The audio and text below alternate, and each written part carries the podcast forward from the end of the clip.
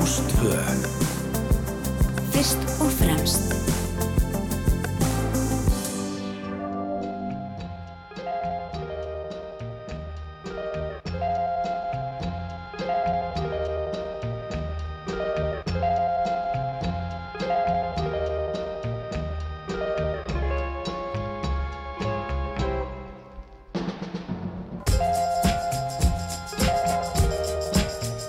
Komðið sæl, Rúna Róbertsson heit ég, þetta eru sunnundagssögur á Rástfö og eh, við ætlum að eh, forrættast aðeins um eh, líf og störf, einhvers áhugaverð einstaklings sem getur hérna á í sunnundagssögum og gestur minn í dag sem að ætlar að líta við hér hjá mér upp á klukkan 1 og ætlum að spjalla, spila tónlist til klukkan 2 er fyrir fjölmjölakonan og Já, hún er mikil útveðastumannaskja líka, hún heitir Karin Kjartansdóttir, meðan það á eftir.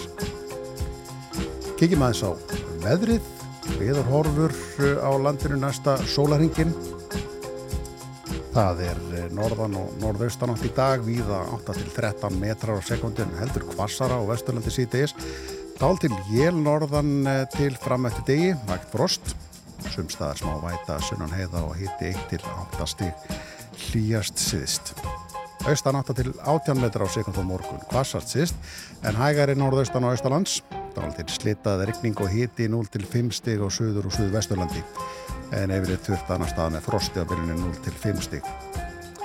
Og viður horfur á landinu næstu daga. Svona vinnuvika framöndan sunnundagur í dag. Á þriðu dag, austan 3 til 8 metrar á sekundu en 8 til 15 síðst dál til Jélaustalands, annars spjartviðri. Frost 0 til 6 stig en viða frostlust vestan til að deginum. Á miðjögudag hægt breytilega átt ens austan kaldi síðst, bjart með köplum í flestum landslutum, hiti í kringum frostmarki við daginn en talsert nætu frost inn til landsins. Það verðum ekkert lengra inn í vikuna en þetta en kíkjum að þess á dagbókina. Í dag er 20. og 7. mars og ef við kíkjum að þessi í dagbóka þá eh, segir hér að eh, árið 1945, 27. mars að þá voru að þjóðverðar sem skutur síðustu vaft tveimur flugskeitum sínum á England og Belgíu. 1956 hræðslubandalagið kostningabandalag Altíðuflokks og Framsónaflokks var stopnað það var greinlega kallað hræðslubandalagið á þessu tíma. 1958 Nikita Khrushchev var formulega gerður að fórsættisáður af Sovjetríkjana Nú, uh, Júri Gagarin var fyrsti maðurinn til að fara til geim sem var fyrsti maðurinn til að fara til geim hann fóst í flugslýsi á þessu degjur á 1968 og eitt mannskeiðasta flugslýks sögunar var þessum degjur á 1977 þegar tvær farþegaþóttur frá annars vegar frá KLM og Pan Am skullu saman á flugvellinum á Tenerife með þeim afleiðingum að 583 fórust. Nú, 27. mars 1991 fyrsta GSM síntalið var flutt yfir finska er radiolinja. Já. Nú þegar átjú letust þegar parðiskur sjálfsmálssprengjumöður sprengdi sér loft upp á hóteli í Netanja í Ísrael 2002 segir hérna í, í dagbókinni og eh, bandarska sjónvarsáttaröðin Grey's Anatomy hóf gungu sín á ABC á þessi degi ára 2005. Nú 2008 mótmæli vörubílstjóra á Íslandi hófust með því að hópur bílstjóra læði bílin sínum, bílin sínum í átúnsbrekkunni í Reykjavík og stöða þannig alla umferð. Það var þessi degi 2008 eins og áður segir. Nú og Árið 2014 álsér að þing saminuð þjóðuna álettað að krímskæði tilherði Ukrænu en ekki Rúslandi. Nú þeir sem eru fætt á þessum degi, ef svona aðeins kíkjum bara yfir þetta, þá sé ég hér að að Gunnar Rótsson, knarspöndumæður fyrir um og knarspöndum þjálfari úr Keflavík, fættist, fættur á þessum degi 1965, almanlega dag, til hann ekki við það, Samo Quentin Tarantino bandarkleistjórin er fættið 1963 en áður hann kemur að eh, spjalli okkar eh, Karinar Kjartansdóttur eh, hér á ettir í söndasögum og hér við Jú og tóna, þetta eru Spandau Ballet sem er að fyrsta leikinu mér í dag Through the Barricades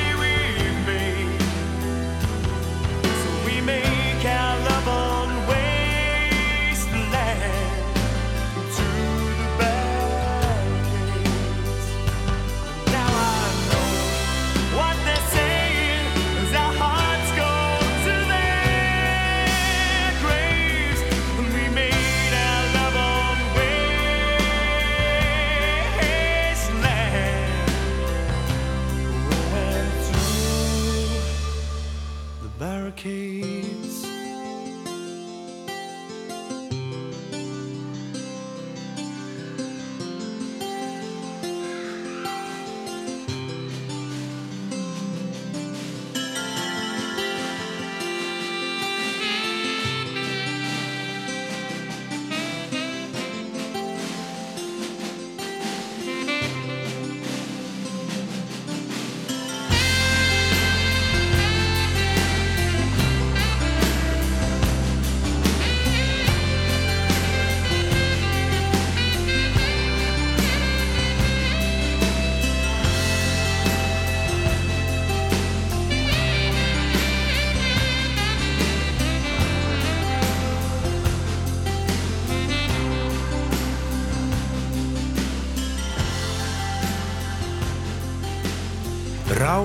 tvö.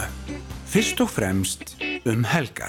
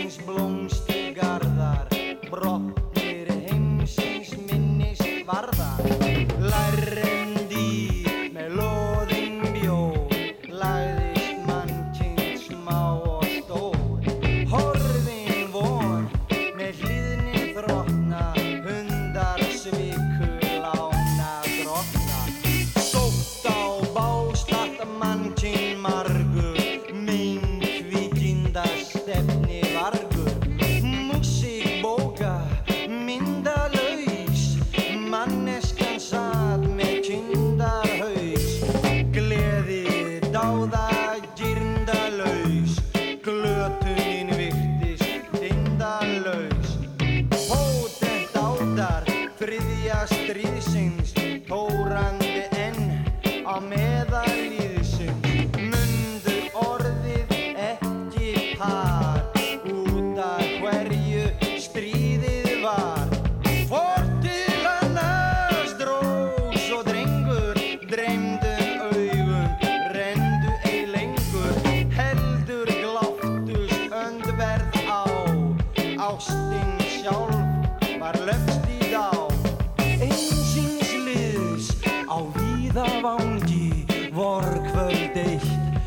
helpa á gangi og hún fann á sínu sveimi.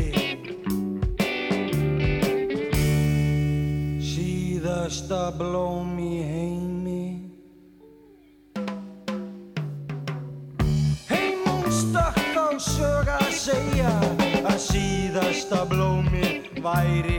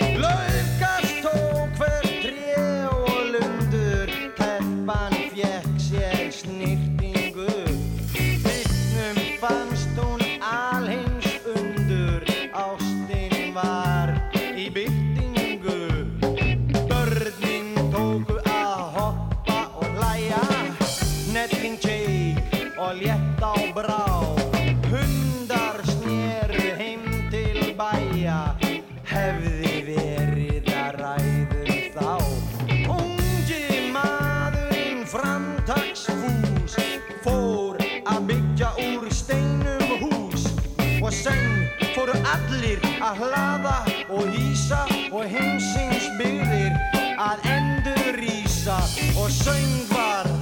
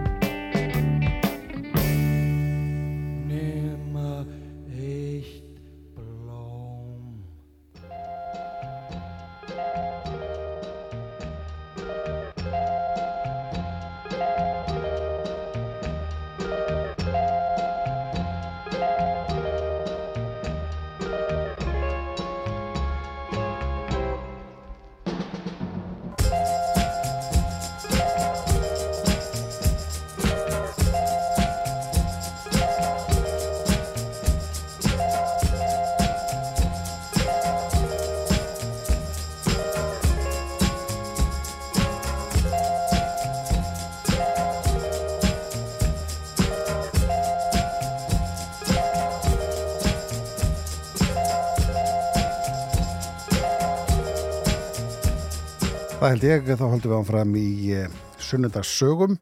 Rúna Róbertsson heit ég og uh, stýri þettinum í dag. Við erum að hlusta þarna á auðdangarsmenn og síðasta blómið, kannski svolítið svona við, viðjandi við það sem er í gangi heiminum í dag.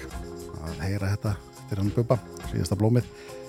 En uh, skellum okkur í sunnundagsögur og gestur minn í dag er Karen Kjartansdóttir. Hún er hérna komin tímin, velkomin. Takk, kærlega fyrir. Og uh, þá spyrir maður hver er Karin Kjartansdóttir fyrir, ekki, fyrir þá sem ekki vita. Þú ert náttúrulega fjölmiðlamaður, þú ert almannatengið, má segja það, eða kynningafullrúi. Jú, jú, ég er ekkert voðalega stíf á kynningum um sjálfa mig en ég hef komið þarna aðalega tengst fjölmiðlum og bara upplýsingamiðlun í gegnum tíðina. Já, Og já, sem eru voðalega viðkvæmir fyrir því að vera að kalla þér almannatenglar, vilja vera að kalla þér ráðgjafar eða sérfræðingar. Ég er ekkert ein af þeim, Nei. þannig fólk má bara nota þann skilning sem það vill. já, En þetta, ke- allt þetta kemur að því að vinna að skipulaðri upplýsingagjöf. ég skil ekki. Og það, það, þú myndir bara segja það um sjálfa þig, þú ert svona bara í, í, í upplýsingagjöf, hvað sem er til almennings eða uh, í fjölmiðlum eða fyrir þá einhver fyrirtæki sem vinir fyrir. Já, og eins og ég segi, ég að ég hann alveg gaman að því líka, mjög gaman að báðum störfum. Mm. Og dreymdi alltaf frá því að bara stúlka annarkvort að verða reithöfundur eða bladamaður og þannig að fór, byrjaði í bókmyndafræði í háskólanum þegar þannig að 19 ára tvítug og þannig að sá sjálfa mig þá fyrir mér á lesbók morgumblaðsins að skrifa um menning og listir og, og mjög svona dramatíska og virðulega konu Já, með mikið menningavit en ég held nú að lesbókin hafi því miður verið lögðu nýður eftir langa og farsæla sögu bara rétt áður en ég hóf svona störf. En það kemur ekki að söga því einhverja hluta vegna þá dróst ég nú aldrei að menningablaðamennsku í miklu mæli. Það er alltaf tóltið gaman að því að vera að skrifa bara fréttir sem er varða almenning og vera svona með ákveði mikilvægi fyrir samfélagið. Já, og brandolti fyrir því að segja sögur sko frá þeim sem kannski átt ekki mikið marga málsvara, svona til að byrja með. Mm. og þannig ég naut þess að starfs mjög mikið að vera bladamar fréttamaður og starfaði þar í tíu ár. Hefur, hefur það alltaf blunda í þér þessi uh, forvitni, þegar maður þarf að vera svolítið forvitin að maður er blaðmann ekki, vilja vita sögufólks, hafa áhuga á því. jú, ég held, ég held sko að grundvöllurinn sé raunverulega á, bara, áhugi að því, það er ekki hægt ég geti ekki unnið við eitthvað sem ég hefði takmarkaðan áhuga á Já, en það er brenna fyrir ykkur og þykja það áhugavert og langa til að segja frá því að, flei, að segja það merkilegt að fleiri eigi að fá að vita það. Já, Það er náttúrulega algjör forsenda allrar miðlunar, sagnamiðlunar.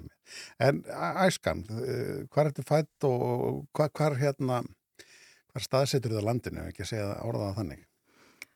Já, stóra myndin er kannski suð vesturhornið. Já, Uh, ég, þannig að pappi hann uh, er skagamaður og skagamaður er bara margar, margar aldir, svona sérstaklega öru megin. Og mamma, mamma þegar hún var stúlka þá flutti hún á Kvolsfell með fóröldrum sínum, pa, af, eða pappi hennar og afi minn Já. var símstöðastjóri í bænum. Þannig æsku heimili hennar er gamla sím, pósthúsið símstöðin Já. sem flestir þekkja sem kerja þarna í gegn. já, með stóra mastrinu. Já, Það, og stóra mastrið heitir er hjá okkur annað. systrum. Já, ég skal trúa því. En sem sagt, fóreldra minnir, þau flytjaði í Holta á landsveit og bæði sem heitir Kaldakinn þegar ég er nýfætt og Mm. ætla að ve- vera þar með bú. Þetta er rosaleg Íslandsaga í sögum minni kringum 1980 og ætla að ve- vera þar með bú og vorum með nokkra kindur og, og svona það er alltaf breytast auðvitað á þessum tíma. Pappi veikist svo mjög hastarlega og er frá lengi bara þarna á sjúgráðusi og þannig hann þóldi svo illa hei eftir það þannig kannski svona bændadraumurinn var þóldi fyrir bí og svo fóruðu náttúrulega illa fjárhagslega, við erum líka að tala um óðaverðbólgu á þessum Mhm. tíma Mhm. þannig þau flytja á bæ rétt hjá Stokkseri sem heitir Sel og þar byggum við eitt ár og, og svo kefti maður með þarna drauma um að vera með mikla mingarækt svo við höldum okkur við Íslandsöguna Mm. þann bæ og við flytjum á Kvolsvöll nei, ekki Kvolsvöll fyrir geðu Stokkseri það var dásamlegt, það er alveg dásamlegasti staður að vera á sem barn. Já. Ég byrjaði þar í sex ára bekk, pappi fyrir á sjó, að einum tóra þar og mamma var að vinna í fristihúsinu og en svo um áramótin þá, þá er, er útgerðin aðleggjast af akkurat þarna á Stokkseri og þetta var nú, mjög glæsilegt og tæknivætt fristihús sem þarna hafði verið byggt á Stokkseri en það var samt er útgerðin að leggjast af þarna en það er algjör hafn leysa já, er auðvitað með að skilja þessa ákvörðun en við flytjum þá á Akranes þar sem pappi hefði verið og pappi fyrir á ski, sagt byrja sjómennsku þar. Og Akranes var fyrir mig, ég var hann í sex ára bekk alveg svakaleg stórborg, þannig voru umferðarljós og þetta var bara endalaust flæmi. Og mér fannst, ég man eftir ég að mér fannst þetta svo ógeðslega lykt þarna í bænum að ég hugsaði með mér, ég mun aldrei geta búið hérna pappi þarna, en svo ve þetta venst allt og en bændadraumarnir hjá honum föður mínum, þeir voru þeir slöknuðu nú ekki og eftir nokkur ára á Akranessi þegar ég nýjára þá flyttum við í Borgafjörð, pappi kaupir jörð þar en heldur samt áfram á sjónum. Já, er á aðalaskipum sem heita Krossvík og svo Haraldi Böðvarsinni sætla minninga. Mm. en við keftum bæ sem, pappi kefti bæ og mamma sem heitir Gjeldingá er það er svona mitt á milli Skarsiðar og Hafnarfjalls og, já, og já, na, í Leira og Melasveit. Þar voru við í nokkur ár í hýfandi roki. Ég ætlaði að mynda að spyrja ekki, ekki, ekki, ekki kvart alltaf. Jú, það er, það er, það er svakalegt viðri. Já, Pappi var líka með mikinn skórættar áhuga og tók nokkra kursa þarna í bændasko, þarna, eh, Á skólanum á Hvanneyri, já. já, Og lagði mikinn metnaði að rækta upp melana, svakaleg skóareyðing þarna Já. í kring. Þannig hann var mjög snemma svona allt í hennu komin í það að vera brjálæður við lausagöngu söðfjenaðar og Já. ég hef alveg tekið þetta í arf frá honum og við allar sýsturnar, fjórar. já. Og En eh, er, þetta er svolítið merkilegt samt sko með pappa en mm. búskapur er nú ekki einhvað sem þú tekur bara upp úr vinstri vasanum og hann er á sjó líka. Já, það er kannski það að málu halda því til haga þegar hann fær svo mikið pláss í þessari sögu. Mm. Það er, er nú ekki haldið utanum svona nema með aðkomu mömmu og okkar systra, þannig Já, ég held já. að búskapurinn hann lendi nú meiri, meiri partinn doldi hjá okkur. Já, og svo náttúrulega kannski sjómerka þannig út, út í mánuð og, og heim í mánuð eða hvernig það var þá. Já, nei, var nú þannig bátar að ég það var? man eftir því einmitt sko, þegar, ætla ég hafi ekki verið í kringum 1992, ég, en það var ekki að reyna að fara 100% með sko, sko ártölin, Nei, en þá man ég að þau voru að telja saman og þá hafði pappi verið sko 300 daga út á sjó vá, á árinu og á þessum tíma nú, kannski þá er náttúrulega sjómenn nýfarnir að vera heima um jólinn og, og svona. Þannig að þetta er meira en að segja. En svo þegar ég er í tíundabæk þá flytjum við á Kvolsvöll. Ég hafði alltaf haft mjög mikil, svona mik mikil tengsl þangað. Amma og afi byggu þar og sýstir hennar mömmu og frænt fólk og, og Kvolsvöll í mínum huga og talandi um það að vera, sérstaklega þannig að byrja í leira og melasveit. Það var þetta algjör sælurreitur, þarna var svo gróið og mér fannst bara alltaf eilift sumar þarna. já, að við flytjum sem sagt í landeirnar á bæ sem heitir Hemla og, og ég fyrir í tí, klára tíundabekkin á Kvolsvelli og, og fer svo í mentarskólan á Laugavatni þannig að ég, ég verð bara algjör sunnlendingur svona Já. í hjarta já, og var það auðvitað mikið fyrir að ég hafði haft þessi tengsl en Suðurlandið þó myndi ekki líka væntum um, hinastæðin á landinu sem ég hef búið á þá er það svona uh, fallegast og hlýjast það er einhvern veginn svolítið mótunar líka skeið hjá öllum, það er úlingsárin. auðvitað. Það er svona, þá skýtur maður svolítið rótum með vin, vini, vinahópa og annars líkt Mhm. sem endast kannski út æfina. Alveg rétt og svo sannarlega og í mentaskólanum sko þá náttúrulega kynntist maður svo mikið. Að vísu þá var það þannig að komu krakkar sko allstaðar af að landinu mikið til í þennan heimaðustaskóla krakkar sko úr sveitunum og, og svona strjálbygli svæðum sem hafði kannski engin tengsl á höfuborgarsvæðið þannig þannig það halda margir líka í sig frá vest, vestfjörðum að því ég kynntist svo mikið af fólki þaðan og, og hefur náttúrulega haldið, haldið þeim tengslum og kemur mjög oft í heimsók já. En svona með við þetta að flytja oft og, og svo ef þú kemur í, á kólsvöll og þá ertu farin fljótlega á laugavatn. mm -hmm. Uh, það virkar svona eins og eins og hérna svona ákveður rótleysa þýlundin til að það er auðvilt fyrir því að koma í nýjar aðstæður og lítur að hafa lært það á þessu einhvern veginn. Já, ábyggilega og ég hefði sko auðvitað eins og ég segi sko stokkseri þegar maður hugsaður um árin þar sko leikina í fjörinu og alla krakkana það var alveg dásamlegt. Stundum hef ég hugsað um sko manneskina sem hefði orðið um, ef við hefum glemst stoppa þar. Já, og það er ábyggilega mörguleiti þægilegri útgáfa af þeirri af Ka- Karen sem ég er. En á sama tíma þá finnst mér mjög vænt um þá eiginleika sem það öðlast við að svona vera mikið í breytingum og, mm og það er til dæmis það að vera ekki mjög meðvirkur sjá og ég held að krakkar sko einmitt sem hafa flutt oft þegar þarna- þetta er mín reynsla, ég veit ekki hvort þetta hafi verið rannsaka minnst þau oft sko þóla einelti og ósangirni síður að því þau eru aldrei svona hluti af menningunni eða ómenningunni ef svo maður segja í skólum. Já, sem er alltaf einhver tengsl aftur sjá fáránleikan í Já. svona ljótri haugðun og hafa kannski ekki sem þörf til að falla inn í hópin Mhm. og það er eiginleiki sem mér finnst væntum að, að þóra að segja hvað mér finnst einmitt. og fara svona á móti því sem er viðtekið. Já, þannig að þegar ég sé rótleysi þá kannski ekki endilega að tala um það einhverju neikværi Nei, ég móðgæðast ekki, nei. Nei, Eh, nei, nei, nei, nei, en það er ekki mynd þannig. En, en uh, þú átt systur, Mm þeir eru hvað, fjórar? Já, varum fjóra sýstur, ég er elst. Já, ok, þeir eru fimm sem. Uh, nei, nei, ég er elst af fjórum Já, sýstum. já, ok. Þannig, Og, og hérna stýrir þessi þeim þá bara svona, gegnum tíðan hefur stýrt þeim bara svona með harðari hendi, svo Já. helst að systur gerir. e, akkurat, við erum þrjár, mjög stutt á milli okkar þryggja, þryggja sem sagt, elstu. Já, Þannig að ég fæðist 1980 lókárs og næsta í byrjun árs uh, 82 og svo næsta snemma árs 84. Þannig að þetta eru svona innan við fjö, fjögur Já. ár. já, En það er grínast með það að alltaf þegar þeir eru með mér þá finnst þeim eðlilegt að fara að sækja kaffi fyrir mig. Þetta er ekki í hug að ég fara að standa upp og hafa fyrir einhverju.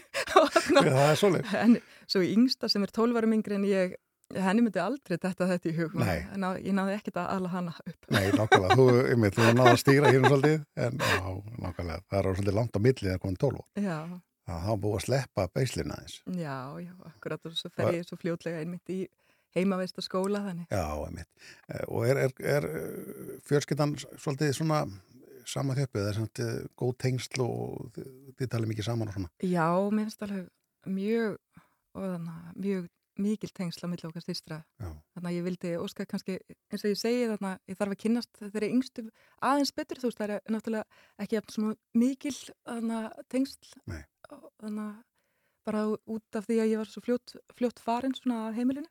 En það, hún, þær eru allar svo æðislegar og, og þær eru, við erum líka ólíkar og ég hef oft grínast með það að ég hefði ekki kynst þeim í svona venjulegu lífi. Þá hefði ég aldrei fengið að kynnast þeim að því við erum allar frekar ólíkar en svo er einhver strengur sem tengir okkur svona mjög stert saman. Já, og sem sagt tværið þeirra Silja sem er næst elst og svo yngsta þær búa á Suðurlandi. Silja er með ástand manninum sínum mikið fallegt bú í flóanum, á mjölkurbú og fimm dætur þannig það helst og svo er Írena sýstir og hún, sem sagt býr í fljótslið á samt sínum manni sem kemur frá Kólumbíu og þau eiga von á barni núna hvaða hverju og eru þar með svona ferð, ferðáþjónustu og, og rekstur já, já, já. Nó að gera. og svo ég bæti við eins og ég skil ekki Móniku sýstir svo næstengstu eftir þá býr hún í Hafnafyrði bara örskamt frá mér þannig að ég bý þannig í Garðabæ. Já, Þannig þetta eru, þetta eru alltaf mjög mikil tengsl. já, ég mynd, það, er gott að eiga stóra fjölskyldu líka og hafa góð tengst. Svo grættu við einn stóra bróður eiginlega því yngsti bróður hennar mömmu, hann var svo lang yngstur. Þannig við höfum bara ákveðið að hann sé svona einn af okkur. Einna, já, já, uh, greinlega sko pluss fyrir hann, Mhm. hann er grætt mikið af því sjálfur vantarlega. Uh, en þú sjálf, þú, þú segir býrði í, Garðabæ, Mhm. ert þú með stóra fjölskyldu? Já, ég var svo stálheppin þegar ég var að ljúka námi á lögatni. Þá byrjaði rúasalega sætur strákur í Íþróttakennaraskólanum og hann var á fyrsta ári. Hann kom úr Garðabæ, þannig útskrifaður úr Versló og allar stelpunar í bekknum voru að tala um hvað hann var í sætur. Mér fannst það nú ekki, ekkert spes sko. Svo hittustu á balli og hann, hann var að sína mér eitthvað áhuga og svona, og að því ég vissi að hann þótti svona mikil happa fengur þá vildi ég nú svona tekka á honum og það er hann Hannes minn Já, sem er þriðja kynslu á Garðbæng, skaman að segja frá því og við höfum verið saman síðan, Já. ég grínast með það að börnin okkar séu fjóruða kynsluð er nákvæmlega. Það er, það er verið að alveg panna gríðarlega sterkar rætur, það Já. er stólparót hjá honum heldur betur, heldur betur. En uh, Karin, uh, við erum, ég er að ræða hérna við Karin Kjartansdóttur, uh, við ætlum að halda með þetta smá stund. Um, þú vald, ég leiðir, eða ekki, ég leiðir í baðum að velja lög fyrir okkur Mhm. og hérna eitthvað lög sem að þú heldur upp á. Að- Fyrsta lagið er með Peaches, Boys Wanna Be Her, maður er það eða eftir auðlýsingar. Hvar, hvar kemur þetta inn hjá þér? Akkur velur þetta? Mér finnst Pítsis bara svo svakalega töff, hann er náttúrulega mikil frumkvöðl svona Já. í svona, e, hvað maður að segja, meðal feminisma, uh, feminista Já, og var svona að snúa upp á kynin, hún er að gera þetta skömmu eftir árið 2000. Ég hefði það ábyggilega valið ef þetta væri ekki í ríkisútvarpið, þarna Fuck the Pain Away, en ég hugsaði, mm, það er svo grótt, svona verið, eða svona sætir að texta. Já. Og svo finnst mér þetta svo, hvað maður að segja, þetta er að taka stórt upp í sig, svona, að þetta er náttúrulega verið að syngja um mjög töff típu Mm. og ein af uppáhalds svona, hvað maður að segja um eh, svona kvótonum mínum úr mannkynnsuguna er eftir Goldu Meir fyrirverandi forsetistar á þeirra Ísraels sem kom frá. Úkrænu flúði þann þá hún sagði don't be humble, you're not that great já, einmitt, ég sé að þú ert með þetta á Facebookinni þér. já, einmitt það er bara mjög, mjög þetta á vel við. Mm. Maður má ekki taka sjálf sér svo alvarlega heldur sko. Heyrum þetta lag eftir uh, smástund.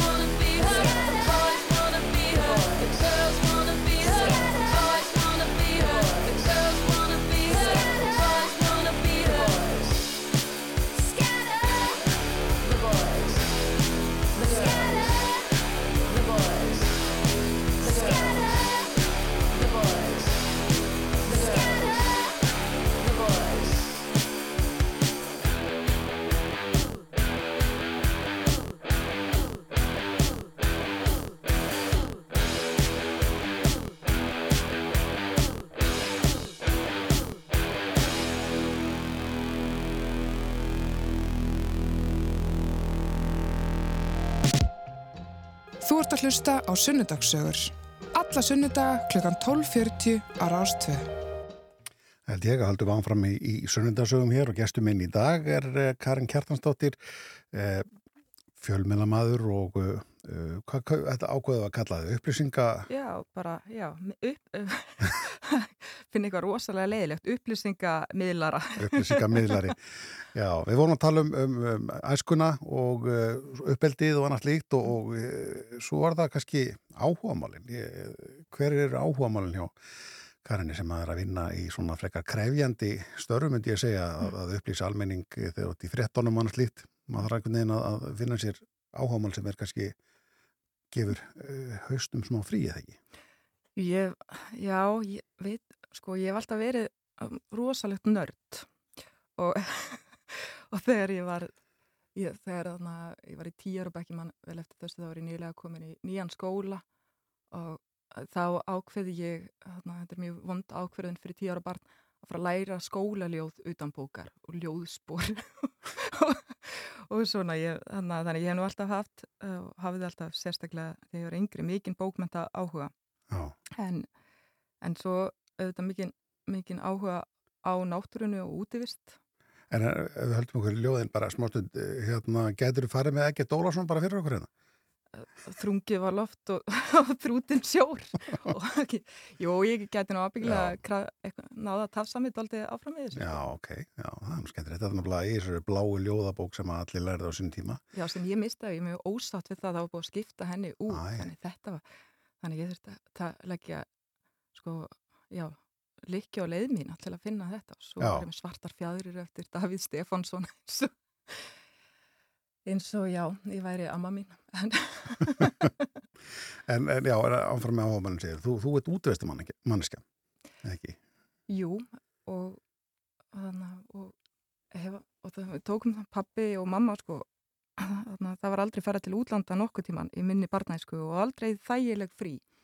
En það svona, þegar það var brugðið á leik, ef svo má segja, þá var farið í svona ferðir að sapna lúpinu og byrkifræjum og svo var um svona eyði sveitir og, og eyði bíli Já. það fannst þeim skemmtilegt en það var reyndar mjög skemmtilegt var mjög, mjög skemmtilega minningar frá því.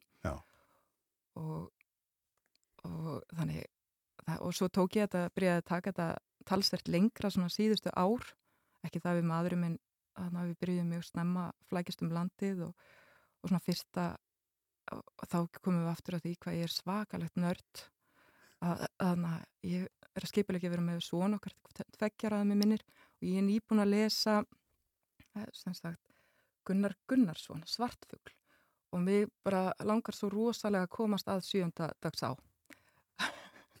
Og þarna þannig við förum bara pílagrímsferð þangað og þannig og, og einhvern veginn og ég held að það hefur verið aldrei upphafið af okkar útivista áhuga. Já. en svo tek ég þetta vindur þetta verulega upp á sig svona í kringum árið 2016-17 þá mæti ég að fundi ferðafélaginu og þá voru landvættinir að byrja. Og, og ég hugsaði með mér, þetta er algjör trugli, ég hef ekkert skýði og ég hef aldrei gert þetta, landvættinu er svona fjórar þrautir, þannig að hafa margir farið í gegnum þetta núna, Mm. en þetta var ekkert svona, hafðu ekki margir gert þetta á þessum tíma, Já, en einhverju hluta vegna þá laumast ég bara í, Everest og strauja kortið og kaupið mér fyrstu göngurskíðin og þannig, og úr þessu hefur orðið mjög mikið og, og ég hef svo sem farið með vinkonum yfir til að gera langarsögu stutta, ég kannski er að steyta nú mikið hef hlaupið kringum Alpana með manninu mínum og góðum hópi, ég farið með vinkonum þvert yfir vatnajökul Já. og farið bara hlaupið og skýðað eiginlega um all land og, og svo erum við að skipulegja núna nokkri vinnir ferð þvert yfir Grænlandsjökul já, í næsta mánuði. það er ekkit annað. Mm Hvað er það stórt prógram eða langt ferli, hvað, hvað takk ég langan tíma í þetta til að mynda? Já, þetta er nú mjög lengra ferli sko en við heldur en það en við förum út sem sagt þarna 12. apríl og áalluð heimkoma er 13. mæ og það er ekkert alveg víst að við komumst í sturtu á þessu tímabili á leiðinni tilbaka. það er svona bara fervist eftir því þarna á hvaða gisteheimili við lendum þegar við komum niður af Ísortok jökli Já. á austurströndinni. Þið byrjið vestan frá og lappið yfir Já. austan til. Já, við lendum í Núk og förum svo með flugi yfir í svæði sem heitir Kangerlussuaq og hefjum förina þar og þetta eru 560 kílometrar ef ég mann rétt Mm. og komum svo niður sko nálagt á austurströndinu nálagt Tassilak og því svæði svona ofan að Ísortókjökli en svo er ekki alveg vissum Vilborg Arna sem hefur nú gert þetta áður ég treysti henni bara fyrir þessum ákveðunum Mm -hmm. Þarna, svo er svona tóltið maus að komast til byggða þaðan. Já. Hvort að við erum sót með skipi eða hundasleða. Já, en eh, hvernig eh, græði ykkur í fönn bara á eða hver- hvernig ekki eru skálar hana? Eh, Nei, nei, nei. Það, það við þurfum að taka allt með sem sagt og draga þá eftir okkur í púlku sem er svona sér, gerir sleði sem að dregur eftir sér. Já, Þannig það er allur matur og allt rusl sem sagt. Já. Maður tekur það, skilur það náttúrulega ekki eftir á jöklinum, bara Nei. það sem maður kemur með, fer maður með. Það dregur maður þarna eftir sér og svo auðvitað tjaldútbúnað og svettpóka og já, bara allara vistir. já, Uh, vatnið, náttúrulega, sækir maður úr jökulinn bara, bræðir. já, Þar til gerðum svona einhverjum bensinprímusum sem þið er að læra á þessu dagana. já, einmitt. Æfir maður sér eitthvað sérstaklega fyrir svona, eða er þetta bara, notar bara reynsluna? Sko það er, í þessu þá er aðeins meira, þá þarf maður aðeins meira heldur en að vera í góðu formi. Maður Já. þarf held ég að vera, hafa pínu gaman að því að þjást. Og Já, já, að því ég þarna viðkynni það alveg eh, þú ég veit alveg að svona ferðir þær eru ekki skemmtilegar allan, allan tíman nei, og stór hluti það stór að bara þá hugsa maður hvað, af hverju er ég hérna? Af hverju er ég ekki bara hjá börnunum minn af hverju er, er ég ekki núna bara í heitu baði að lesa bók? Af hverju er ég krókna hérna inn í tjaldi? Og svo framvegis. Já, En það er, þegar þú kemur heim, þá, þarna, þá skilur eiginlega á milli þessara típa, þessi, þeir sem hafa gaman að þessu, þeir vilja fara aftur og ykkur að hluta vegna verður minningin góð hjá þeim og þetta er- gafði þeim eitthvað. einmitt. En hjá þarna, fannst þeim þetta bara beinlýnis leiðilegt allan. En eða sko, þetta er, já, hvar, hvar, þetta er eiginlega upplifunin sem þú tekur með þér heim á Mm. endanum, að því auðvitað er þetta alltaf áskurun, en það er eiginlega það sem gerir þetta svo skemmtilegt og það er bara svo stórkoslegt í svona leiðangrum, það er að vera með fólki og það er allir með sama markmið. Já. og að þetta verður eitthvað svo frum mennst og skemmtilegt og, þarna, og einfalt og einhvern veginn og það er svo mikil samvinna en samt þarf þú svo mikið að treysta á sjálfum að þig að þetta er náttúrulega fyrst og fremst andleg áskorun. Þú getur, þú, þú verður að passa upp á þig til að passa upp á hópin þú verður að gæta þess að að fá ekki hælsæri Já, ég er ekki vera veikasti lekkurinn. Já, Já, þannig þetta er eitthvað svo undursamleg sko, þarna, undursamlegt samblanda samvinnu og einstaklingshyggju í þessu svona ferðum. En er, ertu svona mikil keppnismanniski eða allt sem hún gerir ferður svona alla leiðir svo menna lappa bara yfir gerranlegansjökul og yfir vatnajökul og veist, þetta er ekkit eitthvað úlfarsvelli Ég mögulega, ég, kannski ég hef ekki ga- líklega enginnir eða mitt aldrei að hafa gaman að einhverju stóru og einhverju sem fáir gera Já, og þannig að ég hef ekki gaman að að vera í einhverju sem eh, þannig að er mjög minn, svona, er allra nei, það heitla mig minna og, og einmitt þarf líka svona ákveð, ákveðina stærð til þess að mér finnist það skemmtilegt Ég skilji.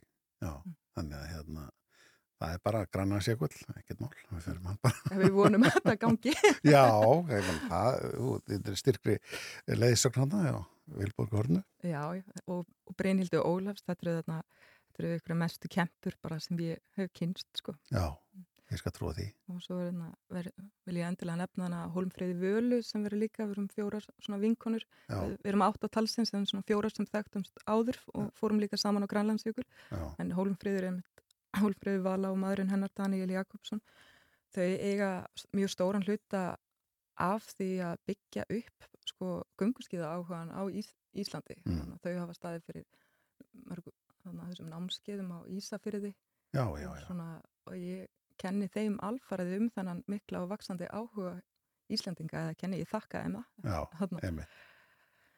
sem hefur minn orðið hérna á síðustu. Já. Þau eru mögnuð og gera þetta svo vel. Uh, það er húmor í þér og eh, eitt af þessum lögum sem þú valdir þegar ég baði um að velja tónlistina, það er með Bjarni Ara og eftir Jóhann Helgarsson, Karen, Já. sem er alltaf bara nafnið. Og hvernig var þetta að koma út á sínum tíma að, það var verið að syngja hennar lofsöng um þig og nöfnur þínar? Ég held að á þeim tíma þá hefur verið óskaplega feimin og svona kannski átt erfitt með að gútra þetta. Já. En með tímanum hefum við alltaf, alltaf kunnað meira og meira meta þetta lag. Þetta er náttúrulega stórkostleg svona powerballaða og einhver magnaðasti ástaróður bara sem ég get ímyndað mér. Þannig við Karenar við getum sko þakkað fyrir þetta. Þetta er engin smá típa sem þarna er verið að lýsa og ég bara hef ákveðið að taka þessu öllu til mín. Já, að sjálfsögðu, hlustum að þetta.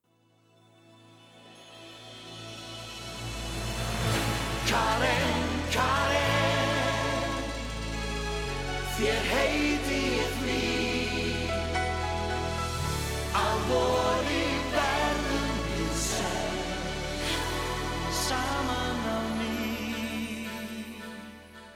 Ég man fuglana klið Öldunar nýr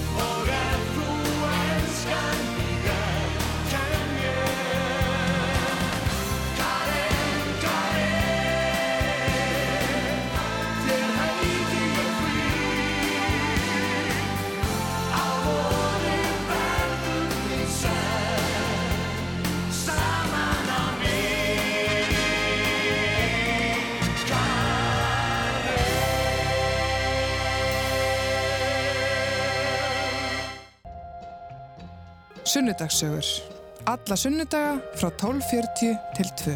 Hald ég og heldum áfram með sunnendarsögunar gestum minni í dag er Karin Kjartansdóttir við ætlum halda hann fram að eh, spjalla svona bara um eh, hvað hennar daga hefur drifið svona í gegnum æfina og uh, það eru næst langa meira svona aðeins að forrætnast um söguðina í fjölmiðlum mm -hmm. uh, hvenar byrjaru?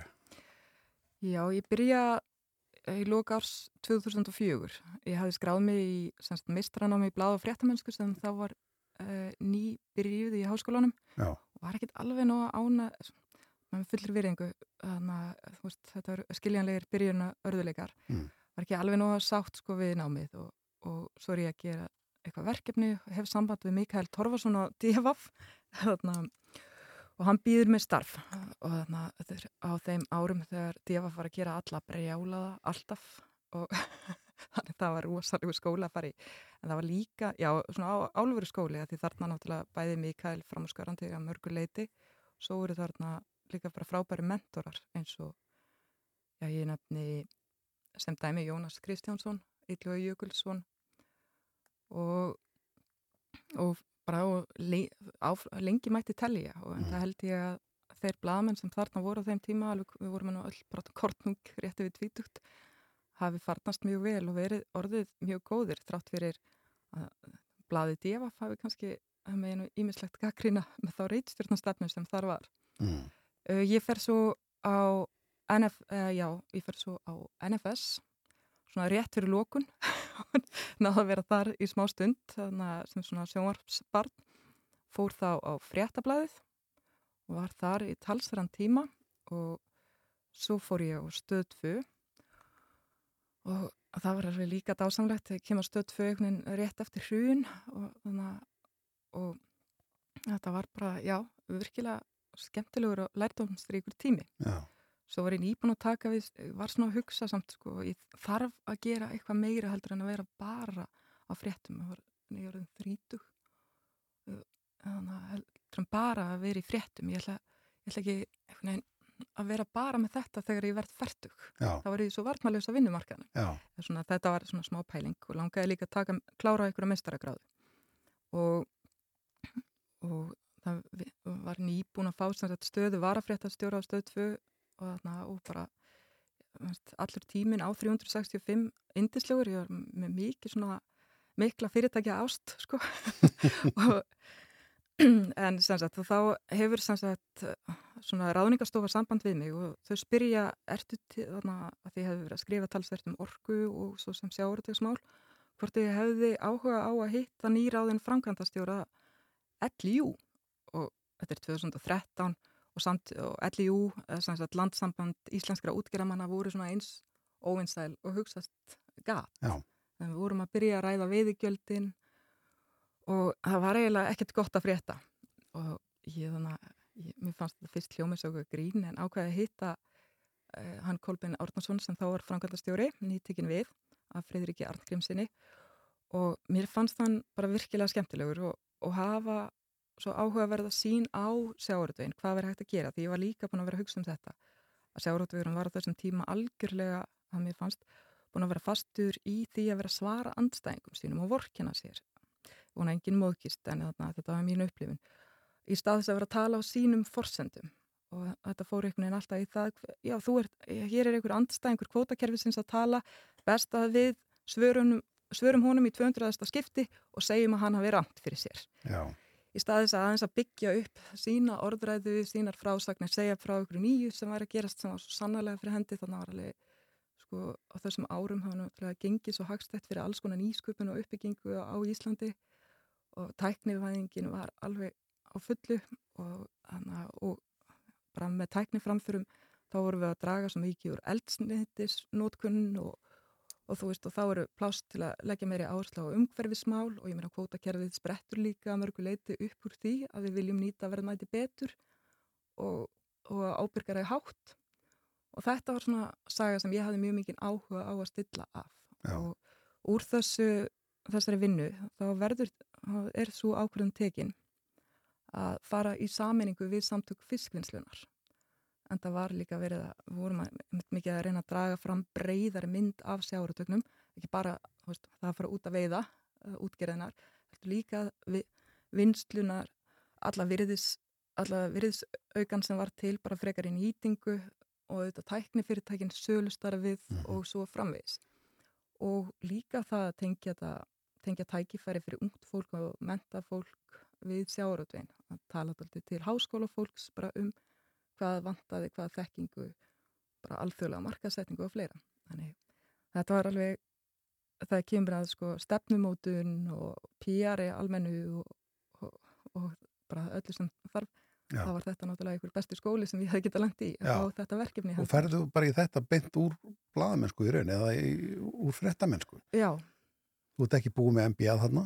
nei, en ég tók það nú samhliða Já. þessu og, og eins og þarna, þetta var, já, þá náði ég að að tikka í ansi mörg bók, bóksa markmiðum Já, á þessari leið.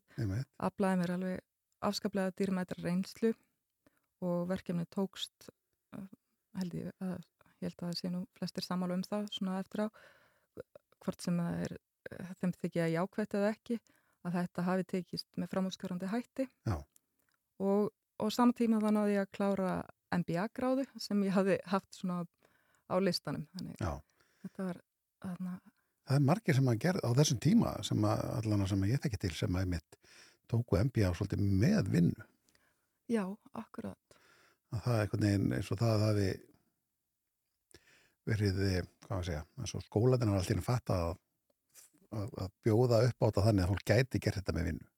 Já, kannski verður þetta að því MBA námið sko bara alþjóðlega og þá Mm. þurft, ég held að þau hafi þurft að endur sko mjög mikið sínar áherslur eftir hrun, eftir hana, bara þetta alþjóðlega hrun sem hana, Íslandikar hana, fengur svo helst að kynnast Já, og sem sagt að taka miklu meira stækka eins myndina, horfa meira inn í sko kannski ethík, eða siðfræði og svona ekki þannig að ekki hafa þetta bara einhver hrein viðskipti og. Excel-skjölu þannig að ég held að námið hafi líka verið svona sérlega áhugavert á Já. þessum tíma. já.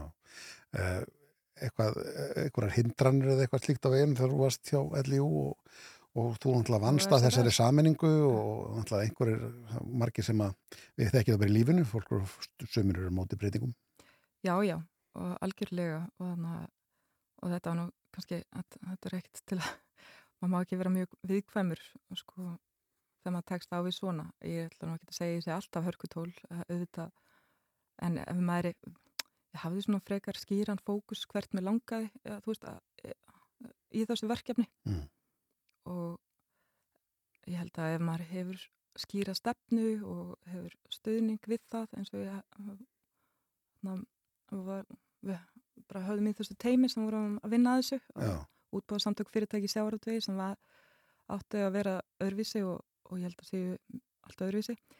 Og, þarna, og, og sækja þau tækifæri sem svo sannlega voru fyrir hendi. Ef maður er svona, veit hvert maður er að fara þá er svona allskins slæti á veginum hvort sem það kemur úr samtökunum sjálfum nú eða úr fjölmiðlum og, og samfélaginu þá, þá reynaðu minna á mann heldur en þegar Já. maður veit ekki hvert maður er að fara já, einmitt, ég skil ekki. Þá að minna þetta að hafa áhrif eða láta það fara í töðan á sér Já. ert með að skýr markvið hvað þetta er að já, fara. og maður veit og þannig að maður þarf líka kannski að þekkja gildin sínt aldrei vel Já, til að, að, að bara vita hvað maður stendur fyrir einmitt. En við höldum ára, þú úr þessu, úr SFS, sem þetta, breyt, þetta breytist í SFS, já, úr LIU og hérna þaðan ferðu snögglega eitthvað annað. já þá, að þá var ég bara, var, bara að því að þessu var lokið eða hvað? Já, sko þá Kolbeinn þarna, sem ég hefði unni með og komið inn með, hann hættir og það kemur nýr framkvæmdastjóri og bara nýjar svona aðeins öðruvísi áherslur sem er bara mjög eðlilegt og, og, þú, og þegar maður er búin að vera í breytingarstjórninu og vera að takast á því svona miklar breytingar að fara allt í einu að viðhalda ykkur í svona maintenance það er ekki alveg gefandi Mm. og þannig að kannski uh, þetta eru bara ákveðna típur sem þarf í hvert verkefni Já. og ég held hendaði mér ekkert endilega að vera þarna í svona eftir að hafa verið að takast á, á við allar breytingarnar að vera Já. bara svona að mér fannst bara mánudagur alla daga Já, og ég fer sem sagt til fyrirtækis, ráðgjafa fyrirtækis sem heitir Aton og, og ég, það voru svo sem ekkert endilega svakalega mikla breytingar strax á því starfi. Þess að fyrsta, eitt af fyrstu verkefnunum sem ég fekk þar inni var til að mis að vinna að skýrslu sem þar var gerð, gerð um sem sagt e, tækni framfærir, áhrif tækni framfæra í sjávarðu sem e, samstarfsmaður minn þá að Aton, hann Hugin Freyr þarna, ég merti fyrir.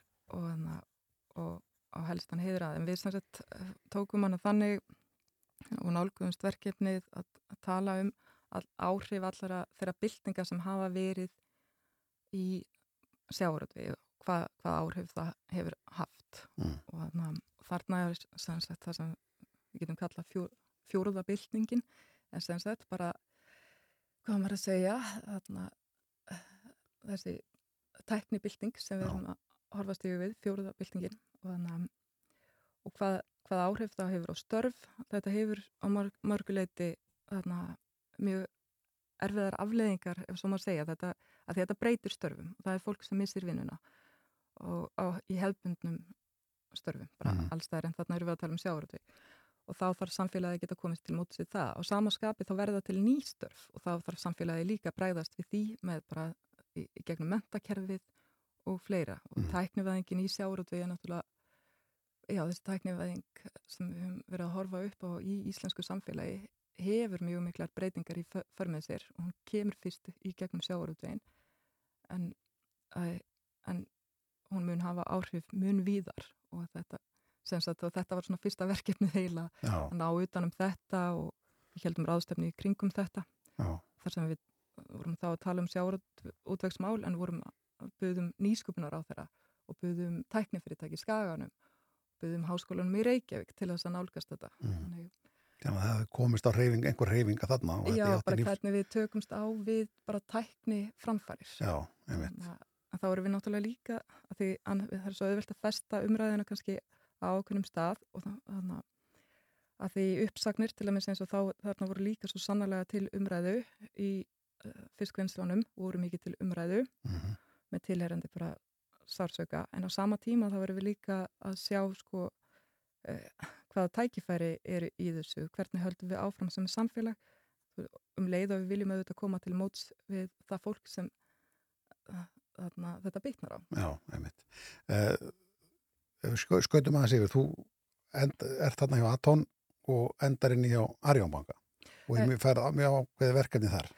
Ekki? Já, jú, eða sem sagt, já, það er nú þannig að ég, að því ég er alltaf mikil fjölmjöla manneskja svona í eðli mínu. Mm.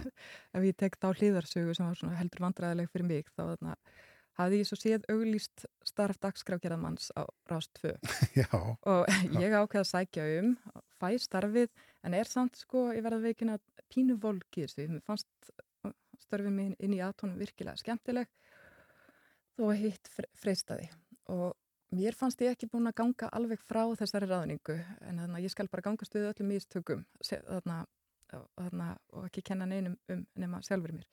Mér fannst ég ekki alveg búin að ganga frá því og svo ke- kemur þessi frétt bara í fjölmjöla að ég sé að byrja á rástfjöðu sem var frekar svona vandræðilegt vegna þess að ég var ekki búin að ræða þetta á vinnustæðinu mínum og, og var ekki alveg viss með þessa ákförðun mm. og sama dag eiginlega og þetta er alltaf gerast þá var kallað á mig á gömlum félaga og ég var beðin um að koma til að ráðgjafar sem sagt út af verksmiðinu United Silicon og talandi um óvinnsæl verkefni það, þetta var sem sagt búið að vera að gera náttúrulega skiljanlega allt brjálað í Reykjanesbæ og viðar um landið og Já. mistök og mistök ofan og Arjónbanki sem sem sagt, kom að þessu var bara í mik miklum vandræðum í þessu og, og þarna, út af þessu. Og ég var spurg hvort að ég vildi hjálpa til við þetta verkefni í gegnum Atón Mm. og ég það mjög heimskulega ákvörðin ábyggilega en mér fannst þetta svakalega spennandi. Þarna,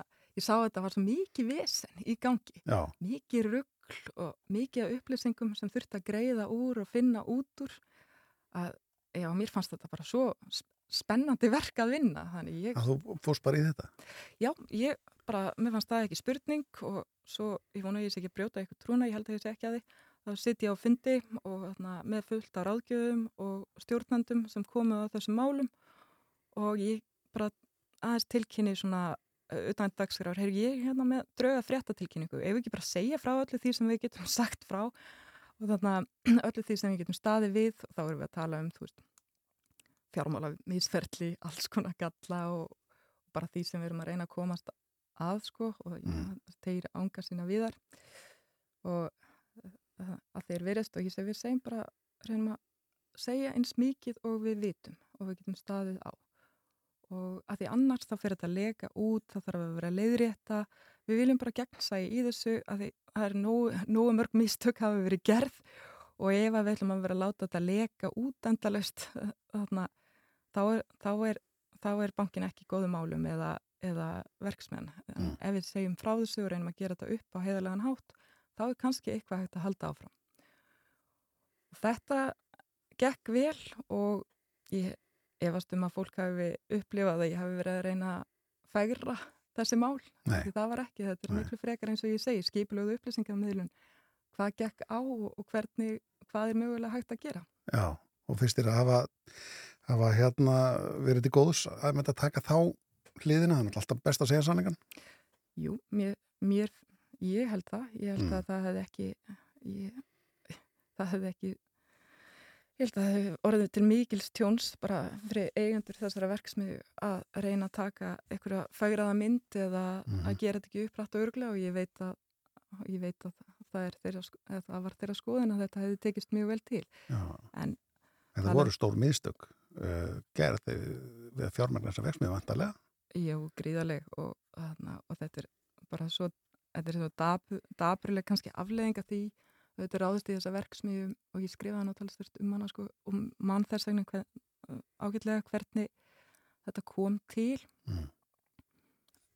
Þessar ákvarðanir verða náttúrulega til dálítið skömmu eftir hrun mikið til það er, það er sko bandaríski hérinni nýfarin að gríðalegt atvinnuleysi á þessu svæði og og það er verið að reyna að byggja allt upp hratt og öruglega og þá í svoleiðis aðstæðum þegar kannski maður er að láta óttan stjórna sér doldið, Mm. kom ég ekki að þessum ákverðunum, en þannig ég er bara að reyna að horfa á þetta utan, utanfrá. Þegar óttin stýrir doldið miklu og kannski örvænting, þá verður oft til jarðvegur fyrir allskins lukkurittara og þetta er bara skýrt dæmi um það. Að þarna, það, það verður að þarna, það er ekki alltaf bestu ákvarðanina teknar í svoleiðis ástandi. Nei, nákvæmlega. Og, og við höfum séð dóma á annars líkt í kjálfara þessu og, og þetta er ennþá svona halgerur bastarður yfir limin út af það var. Já, ég, sem, ég tengist þessu ekki, Nei, nei. ekki, ekki lengur en, en þetta er auðvitað og maður vissi það alltaf þetta þarna, og í þessu verkefni það, ég held að ég hef aldrei komið að þessu verkefni og haldið að allt er þið gott Mm. en miklu frekar sko bara einmitt að reyna að vefja, vefja ofan af þessu eða sjá hva- hvað var þarna, hvað hefði gerst Já, hvernig var hægt að halda áfram. Það var alveg ljóst að þessi verksmiða myndi ekki geta haldið áfram nema að það kemi til mjög miklar og kostnæðarsamar breytingar. Já. ég veit ekki hvað, hvað verður gert, hvað ákvarðanir verða teknar í tengslum við það nei, nei. Þú ert ekki tengt þessu lengur. en ég vona bara, ég veit að það er gott fólk sem tengist þessu og það, ég held að það verði ekki teknar jafn vondar ákvarðanir aftur Nei. Eh, höldum áfram með Karin Kjarnatóttur hér eftir eh, smástund. Sunnudagssögur. Alla sunnudaga frá 12.40 til 2. Það valdi var fram með örstu dettir hér hjá okkur eh, á rástuði sunnundasögum. Gæstu minn er eh, Karin Kjartansdóttir og búin að fara svona, við fórum yfir, svona búin að fara bara yfir bara æskuna og fjölskylduna og, áhugamálinn og störfin. Fórum svona hrætti við fjölmjörana það var svona meira bara svona ég vann þarna þetta það var svona ekki marga sögur í gangi Jú, þar. ég get sagt rosa margar sögur. Ég veit það, ef að það ekki. En ég- við höfum bara að renna út tíma og hérna komist ekki, ekki lengra með það. En núna ertu hjá aðtikli Já, hvað Ég- ertu að gera svo, svo ég skil ekki samfélkinguna uh, út undan. Já, hörðu, ég gleymi henni þetta auðvitað, þú varst frangvöndast fyrir samfélkingarna Já, við verðum að fara að gefa, gefa því einhverjar mínútur. Örfamár, já, ég skal taka það eins og fjölmiðlana bara. já, Jú, ég var þar og sem sagt, ertu pólitísk? uh, ég, var þetta ég er alltaf mikil diplomat í aðli mínu. Ég hef gríðarlega áhuga á politík. Mér finnst gaman að fylg, fylgjast með því sem er að gerast og strömmum og stefnum. Já, og ég held að flestir Íslendingar séu svona talsvert miklir jafnaðamenn í eðlisinu við viljum, en, en svona, og mér fannst samfélkingin á þessum tíma sem að ég byrja eiga mikil tækifæri inni en, en, en hvort, hvort að þau fóru endilega alveg eins vel með þau. Og ég hefði viljað, veit ég ekki, þetta er náttúrulega viljum líka með svo marga flokka líka. Já, en mér fannst það alveg gaman að kynast þessu svona innanfrá og, Mm. þarna, og bara skemmtileg reynsla og gott fólk þar inni.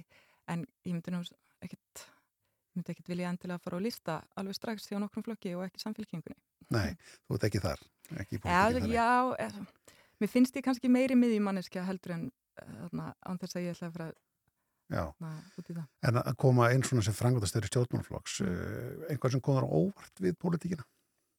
Eða við stjórnmálin? Ekki sem ég þóri að segja frá kannski. Nei. Nei, jú, bara, jú, það er kannski eitt. Það er þarna hvað sjarmi fólks skila sér, uh, fólks í stjórnmálum skila sér stundum ekki gegnum sjónvarp. Já, Það er þarna áhugavert að því mér finnst oft kannski skemmtilegast að fólkið og þá er ég að tala um bara úr öllum flokkum. já, Það virkar alls ekki jafn skemmtilegt að maður sér það á skjánum og, og sem er áhugavert. það, það, það, það þýðir vantarlega einhvers konar kennslu og eitthvað Mm. eða svo stundum bara nær myndaðin ekki að, að taka sjarman. Já, einmitt. Mm. Það búið að vera gaman að spjalla við þig, Karin. Uh, sleppum bara hérna það sem þetta gerir núna og til Já, aðtegli. jú, aðtegli sem er geggjað skemmtilegt fyrirtæki og með frábæru fólki. Þá skulum við og fjölda skemmtilegra verkefna. Já, nákvæmlega, það er svona típist dæmi að, að klára tíman hérna. Sem heldum bæði þetta er því allt á langt. Við myndum ekki ná að fylla hana klukktíma.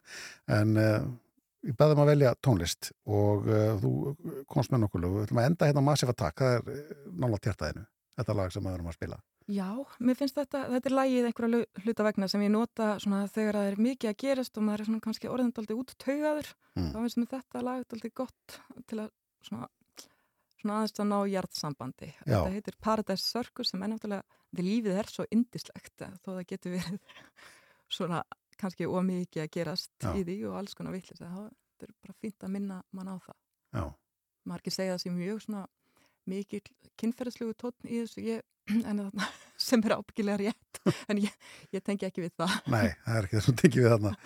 Uh, Gaman að tala við þig, Karin Kjartansdóttir takk kærlega fyrir komuna. Takk fyrir mig. og gaman að heyra þína sögu. Ég heiti Rúna Robertsson, þetta voru sunnundasögur á uh, Rástfu Ég þakka fyrir mig. It's unfortunate that when we feel us down, we can roll ourselves over cause we're uncomfortable. Oh, where the devil makes us sin, but we like it when we're spinning